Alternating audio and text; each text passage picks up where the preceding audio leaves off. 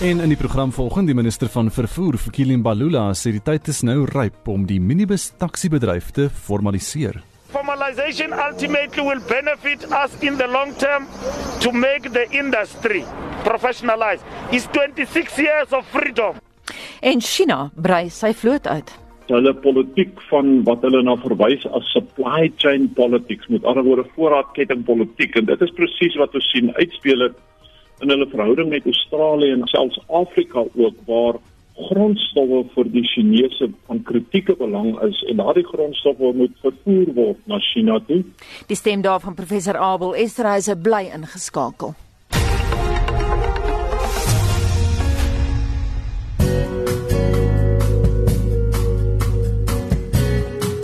Die weer vir vandag, die 23ste Junie, is uitgereik deur die Suid-Afrikaanse Weerdiens en daar is 'n waarskuwing toestande bevorderlik vir die ontstaan van weggolfveldbrande word verwag in die noordoostelike binneland van die Wes-Kaap. Gauteng vandag mooi weer, Pretoria word 20, Johannesburg 18 en Vereniging 19 grade. In die Laagveld oggend mis andersins mooi weer, 22 vandag in Bombela. Die res van die binneland is alles mooi weer in Polokwane 22 grade, Mahikeng en Vryburg 21 en in Bloemfontein 20 grade. Die Noord-Kaap is warmer 23 in Kimberley en 26 vandag in Appington. In die Wes-Kaap oggend mis andersins mooi weer. Die wind is lig tot matig noordwes, 19 in Kaapstad en 23 in George. Die Ooskaap is ook mooi weer. Die wind is lig tot matig noordwes, maar matig suid tot suidwes vanaf die namiddag. 26 in Port Elizabeth en 27 in Oos-London. Aan die ooskus mooi weer in KwaZulu-Natal, die wind matig noord tot noordoos, 23 in Durban, 24 in Richards Bay en 22 in Pietermaritzburg. En dis die weer vir vandag uitgereik deur die Suid-Afrikaanse Weerdiens. Vir nog inligting kan jy gaan na hulle webwerf weathersa.co.za.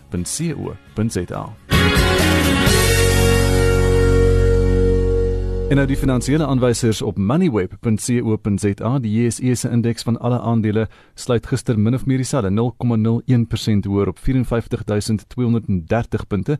Die finansiële indeks het effens teruggesak met 2,7% en die goudmynindeks het veld gewen met 3,4%, maar die res was taamlik bestendig. Kommoditeitspryse vanoggend goud staan op 1752 dollar en 24 sent per fyn ons. Platinum 835 dollar en 20 sent per fyn ons en die prys van 'n vat Brent Noordsee ruolie is vanmôre 42 dollar en 97 sent. Die wisselkoerse nou die rand teen die Amerikaanse dollar R17 en 34 sent, die teen die euro R19 en 54 sent en 'n Britse pond kos vanmôre R21 en 63 sent. En dis die finansiële aanwysers op monitor.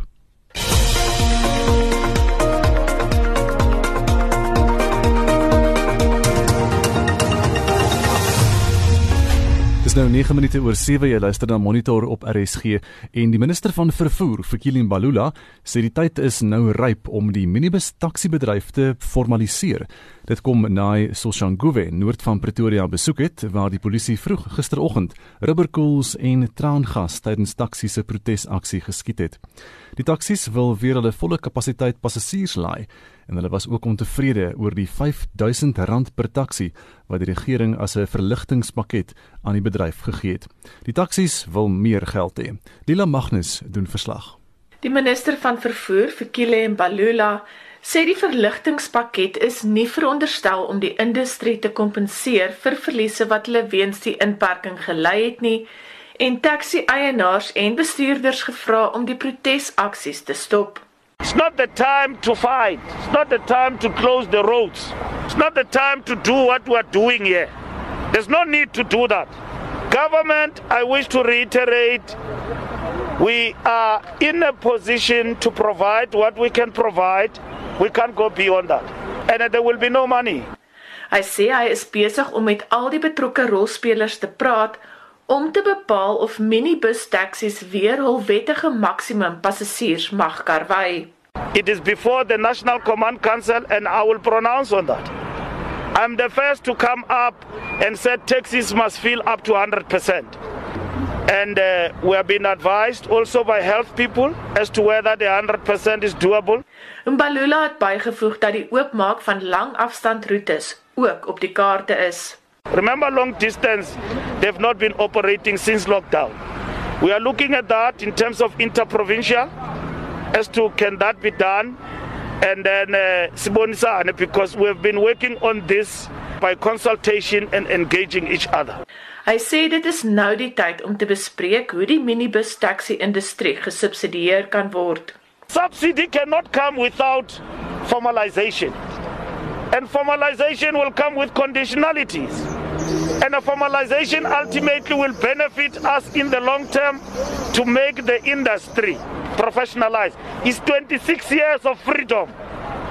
Taxi industry has been giving us 40 billion rand back into the economy, but they don't see the value of it. Because they still run an informal industry. Taxi eienaars en bestuurders glo egter nie Mbalula het al beste belange op die hart nie. You know what are we fighting for? We want 15 people so that they can wear the mask, we can make money. Now we are no longer making money. Because when we loaded the people who are loading 10, who are using petrol. But the minister doesn't have the truth. He lied to us. He doesn't explain anything to us. Gesprekke tussen Mbalula en die industrie gaan die week voort. Ek is Lila Magnus vir SAIK nuus in Pretoria.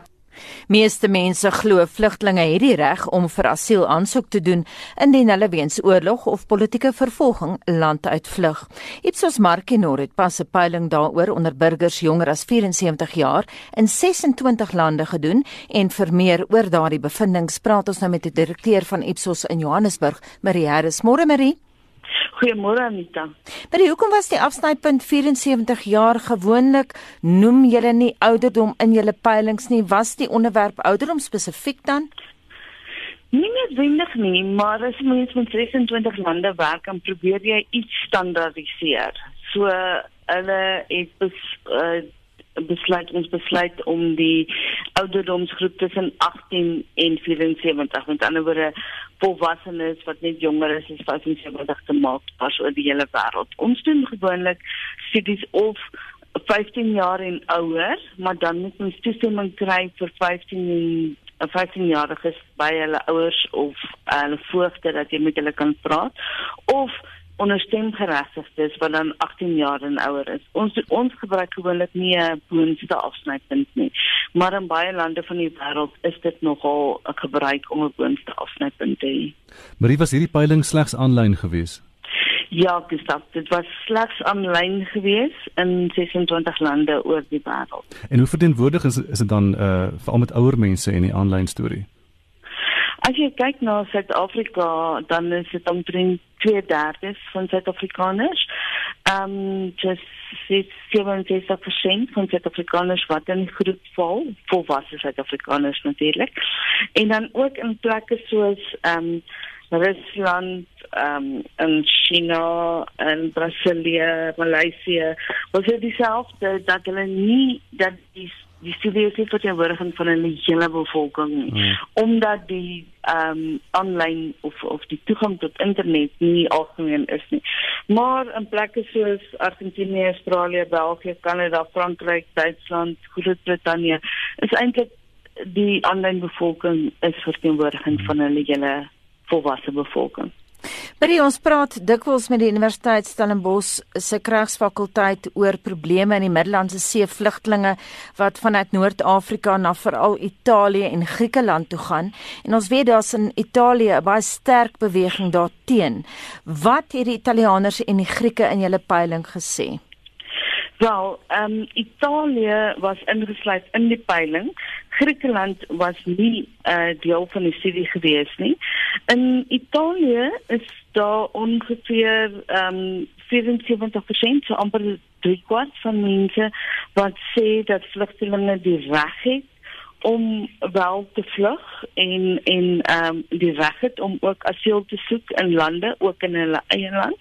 En in ehm um, Italië het hulle ook gesê dat ehm um, wel 62% van Italianers het gesê dat mense maklik integreer, maar aan die ander kant is daar omtrent ehm um, amper 40% dis van die, die aan die ander kant van die groep wat sê mense vlugtelinge integreer nie so maklik in Italië nie.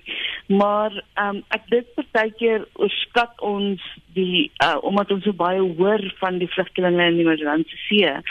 Uh vergeet ons van ander plekke in die wêreld waar dit net so wild gaan soos byvoorbeeld in Suid-Amerika, Venezuela is een van die lande van die vyf lande in die wêreld waarvandaan die meeste vlugtelinge kom en lande soos Peru, Brasilië, Argentinië en Mexiko was ook in die studie ingesluit. Watter soort terugvoer het Suid-Afrikaners julle gegee? Ja, baie interessant. In Suid-Afrika is 3 kwart van mense, 76% sê dat in beginsel moet vlugtelinge die reg hê om pad te gee uit 'n land uit waar hulle nie langer kan lewe nie waar dit totaal hopeloos is of waar hulle vervolg word. En ehm um, soos die res van die wêreld is hulle nie so heeltemal oortuig daarvan dat vlugtelinge maklik integreer nie. Ehm um, 52% van Suid-Afrikaners gesê dat uh, Suid-Afrika dat dat uh, vlugtelinge maklik integreer. Ehm um, 'n derde van Suid-Afrikaners voel dat hulle altyd uitstaan en ehm um, jy weet dat hulle nie regtig deel van Suid-Afrika word nie, maar oor die hele wêreld is 50% van mense redelik skepties daaroor die integrasie van vlugtelinge in die nuwe land wat hulle kies. Kom ons bly by die Suid-Afrikaners. Julle mediaverklaring sê dat ons landgenote meer skepties is oor of die vlugtelinge bona fide vlugtelinge is. Ja, dis 'n baie sterk gevoel in Suid-Afrika. Ehm um, 68% so amper 7 uit elke 10 uit sê ehm um, jy weet in beginsel aanvaar ons die feit dat mense nie oral kan bly nie hulle moet pad gee onder sekere omstandighede maar is almal bona fide vlugtelinge met ander woorde is hulle nie ekonomiese opportuniste wat net ehm um, ander geleenthede soek nie. En daar's nogal heel wat lande wat net ons saamstem daaroor ehm um, Maleisië, Indië, Rusland, Turkye, voel almal nogal dat ehm um, mense moet deeglik ondersoek of owerhede moet deeglik ondersoek doen om seker te maak dat 'n vlugteling ehm um, bona fide vlugteling is. Met ander woorde dat ehm um, hy nie of hy of sy nie met hierdie kom vir ekonomiese geleenthede nie. Marie, wat was die respondente se reaksie oor COVID-19? Jy het nou Italië ook getoets, né? Ja, ons het in Italië ook getoets. Daar dit is ook nogal interessant dat besef dat ehm um, hoewel mense aan begin te aanvaar uh en ook heeltemal uitspreek daarvoor dat vlugtelinge in beginsel die reg het om om pad te gee en en enige plek in die wêreld na asiel te soek of of uh holte vir die voete soek dink ek met die koronavirus het dit bietjie erger gemaak en ongeveer ehm um, die helfte van mense in die 26 lande wat ons getoets het sê ehm um, miskien nou nie. Ja, jy weet wie hmm. kom ons wees versigtiger gedurende die coronavirus kwessie en is ook die geval met 57% van Suid-Afrikaners wat sê sê ongelukkig is dit natuurlik bedoel dis net 'n sekere ding wat vlugtelinge ongelooflik blootstel dat dit al die ontberinge is wat hulle het om te vlug met baie keer die klere wat hulle aan hulle lyf het en nou nog koronavirus ook. Maar oor die algemeen is mense nog 'n bietjie vreesagtig. Ehm um, nie dat vlugtelinge ehm um, meer jy weet meer die draers is van koronavirus as enigiemand anders. Die virus maak nie regtig onderskeid nie. Ons praat ver oggend met 'n direkteur van Ipsos in Johannesburg, Marie Harris. Marie, het die relatiewe toleransie van die respondente julle verbaas? Wel, Anita, ja en nee. Ehm um, die feit dat die toleransie oor die beginsel van vlugtelinge die afgelope jaar met 11 persentasiepunte toegeneem het oor die wêreld is nogal verbasend. Dit is heel wat. In Suid-Afrika het dit met 5 persentasiepunte toegeneem wat ook wys dat Suid-Afrikaners miskien 'n bietjie meer verdraagsaam word. Aan die ander kant ehm um, het ek sou uh, in die laaste jaar nogal redelik studies gedoen vir die Verenigde Nasies se hoë kommissaris van vlugtelinge in Griekeland, Italië, Duitsland en Frankryk en ook in Suid-Afrika. So ehm um, dit was ongelooflik interessant om na lande se studies te kyk en dan te besef dat die hele gevoel van afkeer teenoor vlugtelinge is nie 'n algemene gevoel in die land nie. Um, baie mense aanvaar en hulle sê ook dat vlugtelinge seker van die mees blootgestelde mense is en wat ongelukkig aan die rand van van um, die uh, ekonomiese voordele van 'n land bly en aan die aan die rand van geleenthede want nou moet jy skielik oor begin en daar's nie werk nie. Uh, dit gaan ekonomies baie sleg en en en 'n hele groep ander dinge. So ja, die, relatief is mense baie tolerant. Ek dink nie dis is nou heeltemal verbaas nie. Ek is ehm um, as gevolg van die feit van die studies wat ons in Suid-Afrika gedoen het vir jaar. Kom ons bly so vir 'n oomblik by daardie verdraagsaamheid. Die media is geneig om te fokus op die nuuswaardige brandpunte en dis gewoonlik die situasie soos die skermutselings tussen die plaaslike inwoners en die vlugtelinge, al die ongewone goed, haal gewoonlik nuus. Hoekom blyk die respondente meer verdraagsaam te wees? Kan 'n mens daardie vraag antwoord? I mean, dan seker van 'n tegniese oogpunt af en dan ook van 'n uh, uh 'n realiteit oogpunt af. Eersins van 'n tegniese oogpunt af dink ek moet ons onthou dat dit 'n aanlyn studie was. So dit is mense uh die sewe ehm um, twee derde van Suid-Afrikaners wat meer gekonnekteer is, hmm. wat wat wat meer weet van nuus, wat meer blootgestel is aan nuus oor die hele wêreld. So hmm. dit is die tegniese antwoord.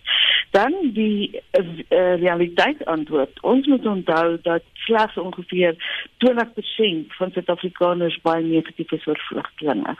So daai 20% is natuurlik in staat om 'n groot kom ons sê groot gemors aan te trek. En om om baie ehm um, jy weet teenoor vlugtelinge sterk teenoor vlugte op te tree. Vlugtelinge is 'n maklike teken. As jy self onder ehm um, ekonomiese blootstelling lê en jy self niks nie, is dit baie maklik om 'n vlugteling kwaliek te neem vir ehm um, vir die dinge wat met jou verkeerd is. Met ander woorde, hulle is 'n ongelooflike maklike teken. En dan moet ons ongelukkig ook byvoeg dat Suid-Afrikaners meer xenofobies is as wat mense in die res van Afrika is. Ehm um, ons is uh, minder geneig om te dink dat of of kom ons sê 'n vyfde van ons bevolking is in 'n reg reg sê 'n vyfde van ons bevolking is minder geneig om te dink dat vlugtelinge 'n aanwinst vir die land kan wees. Terwyl aan die ander kant as 'n mens kyk na die werklike syfers gee baie vlugtelinge wat in Suid-Afrika aangekom het ehm um, was baie suksesvol. Hulle is natuurlik ehm um, hulle werk Hulle is nie bang om te werk nie en hulle en hulle verskaf ook ehm um, werkgeleenthede aan baie Suid-Afrikaners. En ek dink dis die gedeelte wat die feite van Suid-Afrikaners wat voel dat vlugtelinge 'n groot bedreiging vir hulle eie toekoms is, miskyk in baie gevalle. Maar kom ons beweeg weg van Afrika en Suid-Afrika. Internasionaal, watter lande is die mees verdraagsaam? Ehm um, meeste verdraagsaam uh definitief Swede, die Nederlande, Spanje wat interessant is, Chili wat ook nogal interessant is en as mens dink oor Venezuela, Groot-Brittanje, Australië en Kanada. In daardie lande glo hulle dan dat die vlugtelinge goed sal kan integreer in hulle in hulle eie samelewings. Ja, wat van hulle glo dit, maar die integrasie dink ek is is weer 'n heeltemal 'n ander kwessie en 'n en 'n moeilike vraag. Die mense wat sê dat vlugtelinge goed, goed goed integreer. Uh Saudi-Arabië, Indië, Argentinië, Brasilië, Kanada en Australië. En ek dink uh party van die lande stem natuurlik oor een van die eerste lyse wat ek gegee het self, maar nie almal nie. Ek dink in um Saudi-Arabië baie van die vlugtelinge wat daar kom is nie noodwendig uh verskillend van die mense wat daar bly nie. Ek dink hoe minder hoe minder kulturele verskille daar is, hoe makliker is die integrasie natuurlik. Maar as ons weer terugdink aan die aan lande waar van die meeste vlugtelinge in die wêreld vandaan kom, uh byvoorbeeld Myanmar en die uh Rohingya vlugtelinge, daar's nou 'n nuwe um 'n ander groep wat uit Myanmar vlug um en en dit is ongelooflik moeilik want die selfs vlugtelinge die Rohingya wat moslim was wat Bangladesh toe gevlug het, het was baie baie um onvriendelik ontvang in Bangladesh. So dis nie altyd 'n waarborg dat as daar kulturele ooreenkomste is dat dit makliker gaan nie. Maar as jy mens kyk na die vlugtelinge uit Venezuela, Ehm um, Peru is redelik hulle is nie heeltemal seker oor die en hulle voel nie baie positief daaroor nie, maar dan is Brasilia aan die ander kant voel weer heeltemal positief en in Argentinië sê hulle dat die vlugtelinge uit Venezuela goed integreer. So dis daar's groot verskille in die wêreld en ek dink die die taal en kultuur speel 'n baie groot rol. Marie baie dankie dit is dan Marie Harris, 'n direkteur by Ipsos in Johannesburg 26 minute oor 7 en China het begin met 'n grootskaalse uitbreiding van sy vloot wat van die buurlande in die streek onder meer Vietnam en die Filippyne baie bekommerd maak. Monitor het by professor Abel Esterhuise van die fakulteit krygskunde aan die Universiteit Stellenbosch gevra wat die Chinese se motief agter die skielike uitbreiding is. Enerzijds uh, moet hulle die nie moet nie maar hulle wil die Suid-Chinese see domineer. Hulle het basies eienaarskap geneem van die Suid-Chinese see deur die eilande wat hulle droog gelê het wat hulle gebruik vir voorwaartse verdediging. Jy betree deesdae die Suid-Chinese see op Chinese voorwaardes. Dis die eerste rede. Die tweede rede is hulle politiek van wat hulle na verwys as supply chain politics met ander woorde voorraadketting politiek en dit is presies wat ons sien uitspeel het in hulle verhouding met Australië en selfs Afrika ook waar grondstowwe vir die Chinese van kritieke belang is en daardie grondstowwe moet vervoer word na China toe. Derdens moet mense sê China het 'n visie vir die ontwikkeling van China as 'n supermoondheid en dit vereis dat hulle 'n magsprojeksie vermoë moet ontwikkel. Hulle het 'n twee oseane strategie waarin hulle baie duidelik uitstel dat hulle vloot sentraal staan in die ontwikkeling van China as 'n supermoondheid veral in die Indiese Oseaan rim en in die Stille Oseaan rim. Dan is daar vierens hulle One Belt One Road strategy wat vereis dat hulle hawens ontwikkel in die rimomgewing in beide die Indiese Oseaan en die Stille Oseaan. En ons sien dit uitspeel in Pakistan, Iran, selfs Mombasa, Kenia waar China eintlik beheer geneem het van hawens. En dan moet 'n mens laastens ook in gedagte hou dat China homself opstel tot 'n groot mate toe vir konflik, groot maat konflik met die VSA iewers in die toekoms. Dit is so half in die agtergrond as ek dit so kan stel. Abel Vietnam en die Filippyne het nou hulle stemme dik gemaak teen wat sê die ander buurlande? Wel, daar's uiteraard 'n ongemak en die ongemak sluit 'n interessante konstellasie van state in 'n land soos Vietnam wat eintlik 'n kommunistiese staat is, het sy stem gevoeg by lande soos die Filippyne, soos Indië, soos Australië wat toenemend saam met die VSA 'n ongemak wys met China se wyse waarop hy gesag afdwing in die Suid-Chinese See en waarin China homself laat geld op see en 'n baie aggressiewe maritieme beleid ten uitvoer bring. Wat van die aantal seesoldate? Ek sien die is geweldig vermeerder van 20000 na 100000 toe. Wat sou China daarmee bereik? Wel, China se maritieme strategie steun baie sterk op drie aspekte. Die een is vliegdekskepe wat hulle nou ernstig ontwikkel. Die tweede is hulle vlootsoldate wat hulle baie sterk ontwikkel en dan is daar 'n derde been wat hulle kuswag en wat hulle na verwys as hulle maritime militia wat 'n amper 'n gorilla tipe van mag is wat met visbote en olietankers opereer en eintlik onder die dekmantel van burgerlike vaartuie militêre missies uitvoer maar terug na hulle maritieme gedeelte hulle wil mag projekteer en om mag te projekteer moet jy 'n maritieme magsvermoë en, en moet jy uh, seesoldate hê Hoe lyk hulle duikboot situasie? Hulle is baie ernstig met die ontwikkeling van duikbote want jy kan vliegtuigskepe nie sonder duikbote opereer nie. So dit vorm alles deel van 'n geïntegreerde blou vloot vermoë wat hulle besig is om te ontwikkel.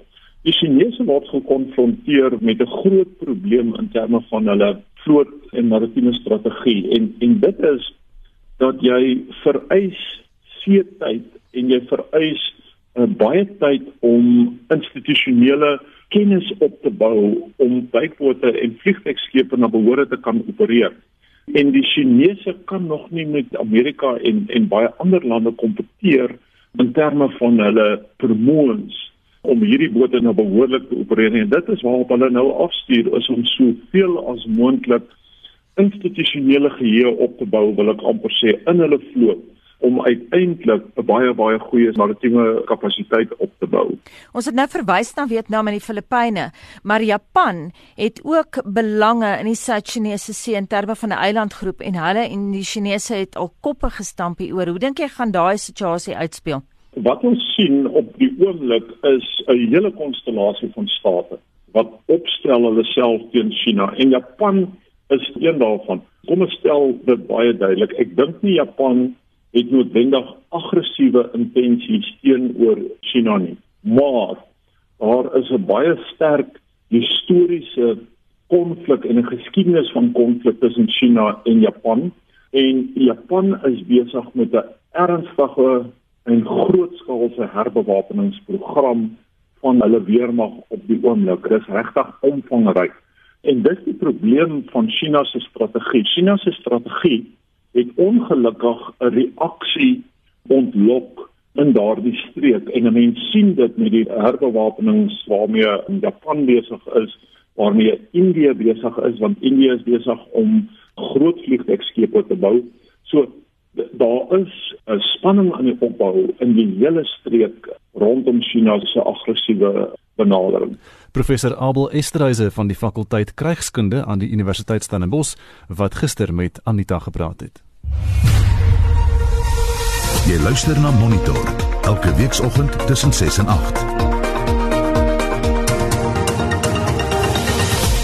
731 in die nuus meer as 180 leerdlinge van die Makahula sekondêre skool in Mount Frere in die Oos-Kaap het positief getoets vir die koronavirus. Die Kaapstadse maraton word gekanselleer. En oud-president Jacob Zuma en sy mede-beskuldige, die Franse wapenvervaardiger Thales, se voorverhoorverrigtinge begin vandag in die Hooggeregshof in Pietermaritzburg bly ingeskakel.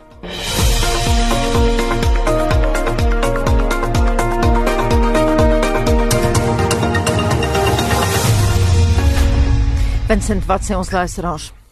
En dit ons het ons luisteraars gevra hoe het hulle wêreld sonder sport ervaar en ek uh, Annelise sê hierso ek mis my kinders um, se skoolsport en hulle mis dit ook. Gelukkig is ons op die plaas en hulle kan lekker hier rondhardloop en fietsry. Weet nie eers of daar landloop gaan wees nie en sy stuur vir ons daar groete. Dan ons vir Malroy Rogers wat sê hy het die oorseese sokker, EPL, Bundesliga en Serie A in die Spaanse liga baie gemis. Dis nou terug sonder toeskouers sê hy. Dis bietjie vreemd en dan mis ek Suid-Afrikaanse rugby. Alle soorte van skole tot Springbok rugby. Hy kan nie wag nie sê hy. En dan sê Ren Willie de Jong, baie sleg. Mens moet bietjie um, afwisseling kry. As my man al glad 1995 se heruitsending gekyk het, eish, ek het nog steeds gedink ehm um, hy oefen vir die COVID-19 ehm um, sweet hou kieme weg sê hy. En dan wil ek 'n laaste een lees van Baron van der Merwe. Wat sê dis natuurlik iets wat ek baie na verlang. Rugby rugby en nogmaals rugby. So vals en gekorrupteer soos wat professionele rugby is mis ek dit nog steeds. En ek is net voor 8 weer terug met van julle terugvoer. Maar stuur asseblief vir ons julle stemnotas ook En ons bly by sportsake. Die Sanlam Kaapstad se maraton is gekanselleer. Die maraton sou Sondag 18 Oktober vanjaar plaasgevind het. En ons praat nou met die wedloopdirekteur Renay Jordaan. Goeiemôre Renay. Goeiemôre Anita. Hoekom moes julle hierdie besluit neem? Ag Anita, weet van die groot wedloope is die laaste paar maande gekanselleer as gevolg van die COVID pandemie. Ehm um, en in vroeë jaar toe die nasionale ramptoestand aangekondig is deur die president het ons gedink dit gaan nog dalk veilig wees vir die Sandan Kaapstad marathon in plaas van dit was toe al 7 net 7,5 maande weg. Maar soos wat tyd aangestap het, het ons besef dit dit, dit gaan nie gebeur nie en ehm um, ja, en ons het toe maar besluit dat dit beter is om te kanselleer vir die gesondheid en die veiligheid van van al die betrokkenes en die atlete. En was daar eensstemmigheid oor die besluit? Ja, nee, ons het regtig baie goeie ondersteuning gekry van ons borgers. Ehm um, en vernote en almal wat betrokke is by die by die wedloop en ons glo tog ook dat die atlete dit sal verstaan. Ehm um, dit is in hulle in bes in hulle beswil dat ons nie voortgaan met die met die wedloop in die strate van van Kaapstad nie. Maar natuurlik het ons ook die virtuele Sandam Kaap, Kaapstad marathon waar hulle kan deelneem. So ons hoop regtig dat hulle hulle energie nou daarop sal fokus en ehm um, dit maar nie lig sal sien waar dit die besluit moes geneem geword het. Wat van mense wat nou reeds registrasiegeld betaal het? Deelnemers wat klaar ingeskryf het, um, kan hulle volledige terugbetaling kry van hulle inskrywingsgeld of hulle kan dit ook aan 'n liefdadigheidsskenk of 'n twee liefdadigheidsorganisasies gekies. Ehm um, so ek dink daarom dit sal die hartepers bly maak want dit weet in die verlede was daar wetlope wat nie uh, terugbetaling gegee het nie, maar ons het besluit ehm um, al eintlik in Maart maand besluit dat as die wetloop gekanselleer gaan word, dat ons volle terugbetaling sal gee aan al die deelnemers wat ingeskryf het al. Vertel ons 'n bietjie meer oor daardie liefdadigheidsmaatskappye dat ons luisteraars kan help indien hulle wil geld skenk. Ehm um, ons het spesifiek twee liefdadigheidsorganisasies ge ge gekies wat besig is met voedingsskemas ehm um, in die pandemie. So die een is die Community Chest van van die Weskaap en die ander is die Peninsula ehm um, voedingsskema.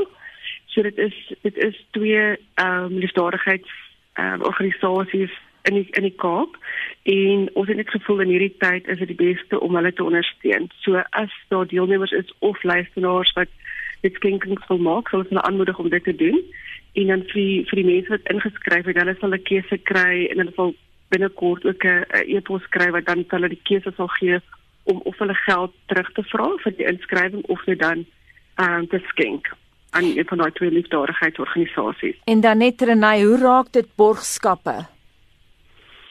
Weet jy, ons is eintlik baie gelukkig in dat Sanlam wat ons hoofborg is, ondersteun ons 100%. Ehm um, toe toe dinge eers begin ontwikkel met die pandemie het ons baie gesprekke met hulle gehad en ons is weet gereeld met hulle in gesprek en en hulle het in hierdie tyd het hulle actually hulle borg borgskap ehm um, hernie vir die volgende 3 jaar met die Sanlam Kaapstad Marathon en en die res van ons borge is ook baie ondersteunend. So ons is regtig baie gelukkig ehm um, dat dat ons daar ondersteuning het en natuurlik al die fokus op vir die borge word nou geskuif na die virtuele Sandam Kaapstad marathon. Dis ons voel ons het daar nog ietsie om hulle te gee. Dis nie dat alles gekanselleer is en alles weg is nie. Ehm um, en dis nou waar ons al ons fokus sal opsit.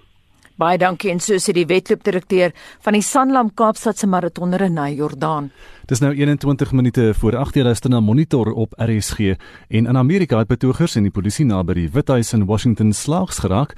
Die betogers wou 'n standbeeld van die oud-president Andrew Jackson verwyder. Jean Estreisen berig vanoggend oor die en ander wêreldnuus gebeure. Jean, wat se jongste? Die betogers het toue en kettinge om Jackson se standbeeld vasgemaak, maar hulle het nie daarin geslaag om dit te verwyder nie na die polisie die standbeeld omring het en traanrook geskiet het. 'n Joernalis van die Washington Post, Frederik Kunkel, sê die betogers beskou die standbeeld as 'n simbool van rasisme. And in this case, many people in the crowd were talking about how President Jackson was in office when the Indian Removal Act was passed in 1830, which allowed for the relocation uh, of and the uprooting of thousands of Native Americans from the southeast and the Trail of Tears. So that's why they targeted this statue and why they targeted earlier this week the statue of a man named Albert Pike, who was a former Confederate general. 'n Klein groep betogers is steeds in die omgewing en die situasie is kalm op die oomblik. Nou intussen het president Donald Trump die verbod op die uitreik van permanente verblyfspermitte, ook bekend natuurlik as groenkaarte, verleng. Die verbod was aanvanklik in April aangekondig en is tot die einde van die jaar verleng. Permanente verblyfspermitte en visums vir ander buitelandse werkers sal nie uitgereik word nie. Sakelei geskoolde werkers in die tegniese en rekenaarbedryf en op werkers word geraak. Na raming het die verbod 'n impak op 525 000 mense.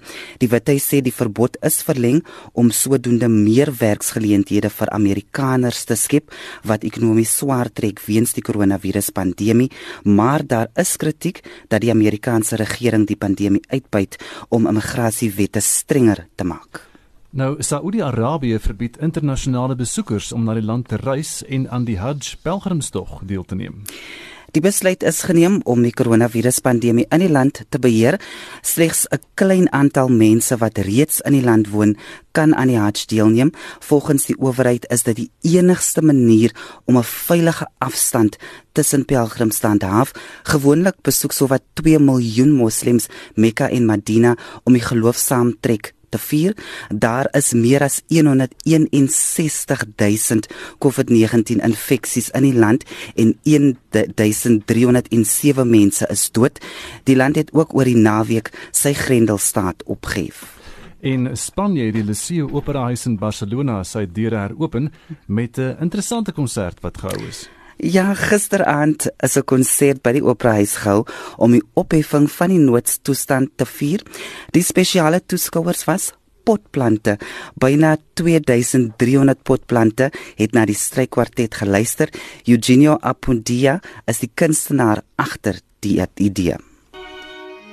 Yo creo que además se ha demostrado que estamos al final de toda una época. I believe it's been demonstrated that we're at the end of a whole era, and this means certain paradigms must be changed.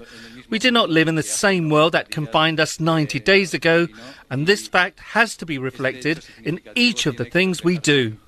Die potplante gaan aan gesondheidswerkers geskenk word. Jean Esterhuizen met vanoggend se wêreldnuus.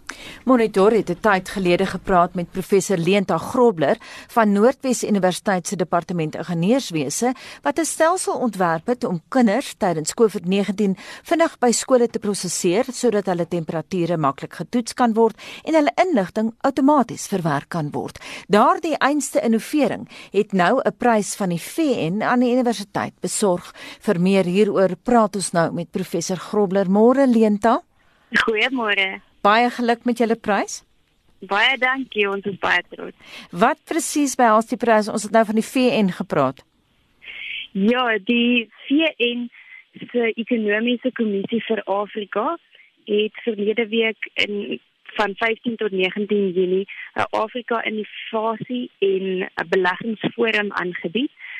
Hulle dreig al 'n geruime tyd om so 'n beleggersforum op die been te bring waar beide regerings en um, beleggers die forum kan bywoon en in die idees van Afrika kan belê. En COVID-19 het toe vir hulle die geleentheid gebied om hierdie forum aan te bied en hulle het 168 inskrywings ontvang waarna hulle 20 um innovasies gekies het hmm. om toe nou verlede week aan te bied en van die 20 was ons toe ons kategorie wenner. En teen watter lande het julle meegeding? Dit is um, beide lande binne Afrika, so verskeie um lande, buurlande en lande uit Noord-Afrika, maar dan ook van die diaspora wat in Europa tans werksaam is. So daar was verskeie inskrywings van Frankryk en Nederland ook. Leenta, is daar prysgeld ter sprake hier? ons hoop nog so op hierdie stadium um, het ons wag ons nog vir die um, ekonomiese kommissie om ons presies in te lig wat ons prys behels. Op hierdie stadium is ons nog net dankbaar vir die erkenning wat ons ontvang het vir die innovasie en die prys uh, prysenswaardige woorde wat hulle gebruik het om ons innovasie te beskryf. En dit was Dit was dat dit um buitengewone sterk kompetisie in hierdie spesifieke kontaksporing kategorie was en dat hulle verskriklik opgewonde was oor die potensiaal wat hierdie hierdie innovasie vir Afrika en selfs lande verder as Afrika kan bied. Leent het ons laas op monitor gepraat het sou julle daardie oggend die stelsel begin uitrol op Potch en omliggende dorpe. Wat is tot dusver die terugvoer wat julle kry? Ja, Anita, dit was gister presies 3 weke vandat ons die eerste chop chop toepassing op die eerste foon gelaai en begin toets het in die omgewing. Sedertdien is die oplossing uitgerol na meer as 50 skole, um, 'n myngroep en verskeie besighede van reg oor die land. En die terugvoer op hierdie stadium is oorweldigend positief. Um mense sê vir ons dat hulle 'n hele graad by 'n skool kan kan in sif in die oggend in minder as 10 minute met net twee onderwysers en die feit dat hulle dit op almal se al die onderwysers se fone um gratis kan installeer het gemaak dat hulle um selfs nog vinniger kan gaan en elke ja, klasonderwyser hulle eie kinders kan toelaat en die besighede sê ook dit bespaar hulle omtrent 2/3 van die tyd wat hulle elke oggend spandeer het aan sifting. Jy het ook nou die stelsel in Namibië uitgerol, sal julle dit opvolg met ander buurlande? Ja, en um die eerste skool was in Bay wat besluit het om die sprong te neem en en die die stelsel te installeer. Maar sedertdien het ons ook ehm um, herverkopers aangestel wat spesifiek aansoek gedoen het om dit vir res van Afrika te installeer. En dan het ons 'n uh, uh, idee ge, uh, gebond vanaf ons uh, uitrol uh, agente gister dat ons ook vir besighede die geleentheid wil gee om dit as hulle um social corporate responsibility um porsie te kan gebruik om wanneer hulle dit vir hulle besigheid implementeer 'n skool te kan borg. Um want ons wil nie graag hierdie met klein besighede of skole enigstens geld kos om hierdie te kan gebruik nie. Ons wil graag ons kinders en en ons klein besighede nou ondersteun om hierdie voldoeningsaspek te kan bereik. Maar dit moet verseker nie arm en 'n been kos en maak dat dit net die superrykes is wat hierdie stifting kan bekostig. Leente internasionaal, is daar belangstelling? Ja, ons het um reeds belangstelling ontvang van af Europa. Um na die die forum verlede week en dan het ons ook um mense wat, wat vanuit Australië en Amerika uit al navraag gedoen het oor of ons dit daar kan uitrol. En wat is julle volgende plan? Ons volgende plan gaan wees dat ons um tans werk aan die Apple weergawe van die toepassing. Ons het uh, oorspronklik gefokus op Android toepassing wat dit het die oorgrootste meerderheid in Suid-Afrika bedien, maar ons het wel besef dat wanneer ons na Amerika of ander lande wil uitbrei, is die Apple mark aansienlik groter. So ons werk dan daaraan. Ons het ook groot veranderinge aangebring aan die aan die portaal, ehm um, sedert die portaal wat 3 weke gelede beskikbaar was. En dan is daar ook groot behoefte van skole wat hierdie op die langtermyn na Covid wil gebruik om hulle daaglikse um, register te kan neem of wanneer kinders op uitstappies gaan dat hulle dieselfde tegnologie kan gebruik om seker te maak wie klim op die bus en wie klim af van die bus af. So ons wil graag aan daai um, moontlikhede nou aandag skenk. Baie dankie en so sê professor Leenta Grobler van Noordwes Universiteit se departement ingenieurswese. Dis nou 12 minute voor 8 jy luister na monitor op RSG en 'n Russies-Duitse ruimteteleskoop het pas 'n kaart van die hemelruim saamgestel met die hulp van ekstrale. Vir meer oor watter moontlikhede dit alles inhou, steek ons nou kers op by Dr Pieter Kotse, navorsingsgenoot by die Suid-Afrikaanse Nasionale Ruimteagentskap SANSAT op Hermanus in die Wes-Kaap. Goeiemôre Pieter. Goeiemôre. Hoe is die hemelruim dan tot nou toe gekarteer? Wel in die verlede en tot op hede het ons verskeie golflengtes gebruik om die hemelruim te karteer. Dit het gewissel vanaf die mikrogolf, deel van die elektromagnetiese spektrum deur infrarooi sigbaar ook insluitende ekstrale en ook uh, gamma strale maar hierdie uh, spesifieke ruimtetuig of die nuwe sending bied meer moontlikhede as in die verlede om die hemelruim in die fynste detail moontlik te karteer wat voorheen nie moontlik was nie. Wat maak die Russe en die Duitsers se poging nou anders? Die uh, poging is uh, anders as in die verlede. In die verlede het ons gebruik gemaak van 'n uh, satelliete wat in wentelbane om die aarde was, maar op hierdie spesifieke geval is hierdie uh, ruimtetuig nou gestasioneer op 'n posisie weg van die aarde af op 'n punt wat ons noem die L2 Lagrange punt. Nou dit klink 'n hele bot vol, maar dit beteken eintlik net dit is 'n gebied in die ruimte ongeveer 1.5 miljoen kilometer weg van die aarde waar die gravitasieveld van beide die son en die aarde mekaar uitkanselleer. So wat die voordeel daarvan is as 'n satelliet in hierdie posisie sit, kan daar uit omtrent op 'n kontinue basis uh, punte of bronne in die ruimte uh, waarneem. Hy het ook nie baie brandstof te gebruik om sy baan te korrigeer nie en in bovendien dit is hy ook vrygestel van temperatuurvariasies vir 'n satelliet wat byvoorbeeld in 'n wentelbaan om die aarde is want as hy om die aarde beweeg beweeg hy deur die songedeelte en dan ook op 'n sekere tyd deur die uh, skaduwee gedeelte so dit veroorsaak temperatuurvariasies in die instrumente en dit kan dus geriefsalwe nou uitgeskakel word by hierdie spesifieke posisie waar hierdie satelliet nou al uh, gestasioneer is vir ongeveer 'n jaar. Watter dinge kan ons nou sien wat ons voorheen nie kon sien nie?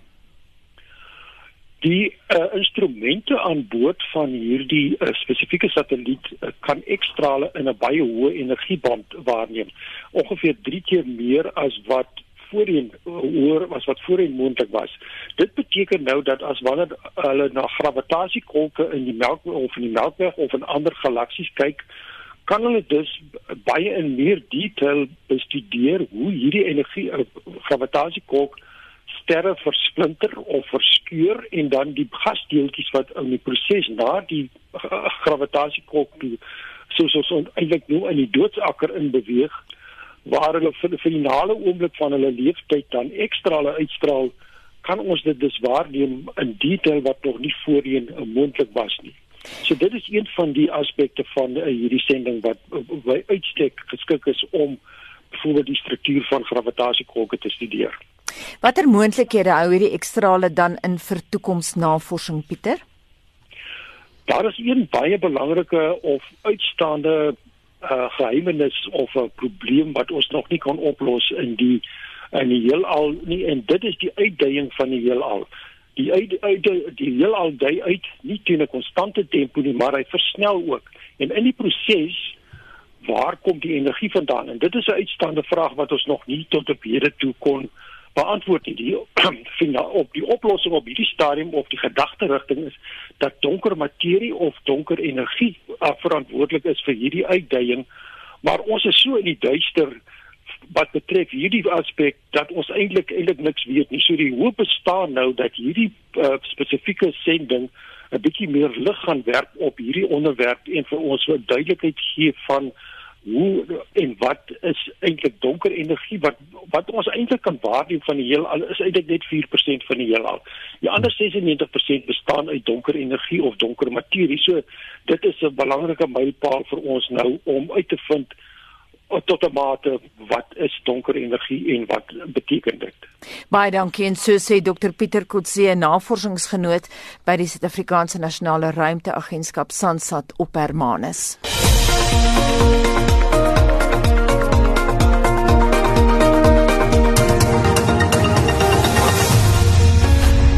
Laaste terugvoer van ons luisteraars Vincent. Anita Dikkie Jones sê sport is deel van ons lewe in Suid-Afrika en veral ons rugby sege verlede jaar. Sonder sport voel jy dat het 'n geliefde aan die dood afgestaan.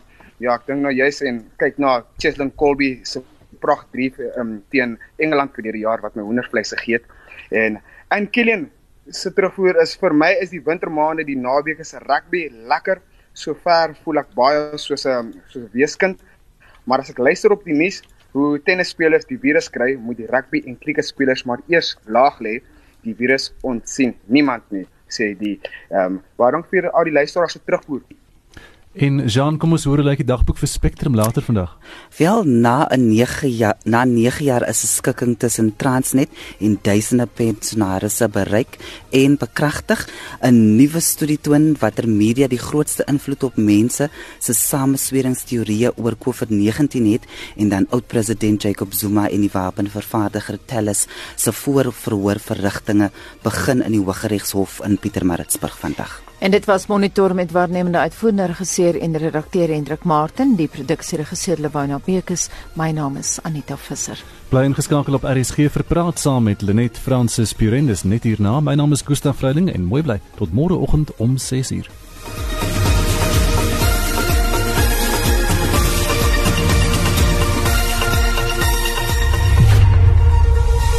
Esai Kahnis, onafhanklik, onpartydig.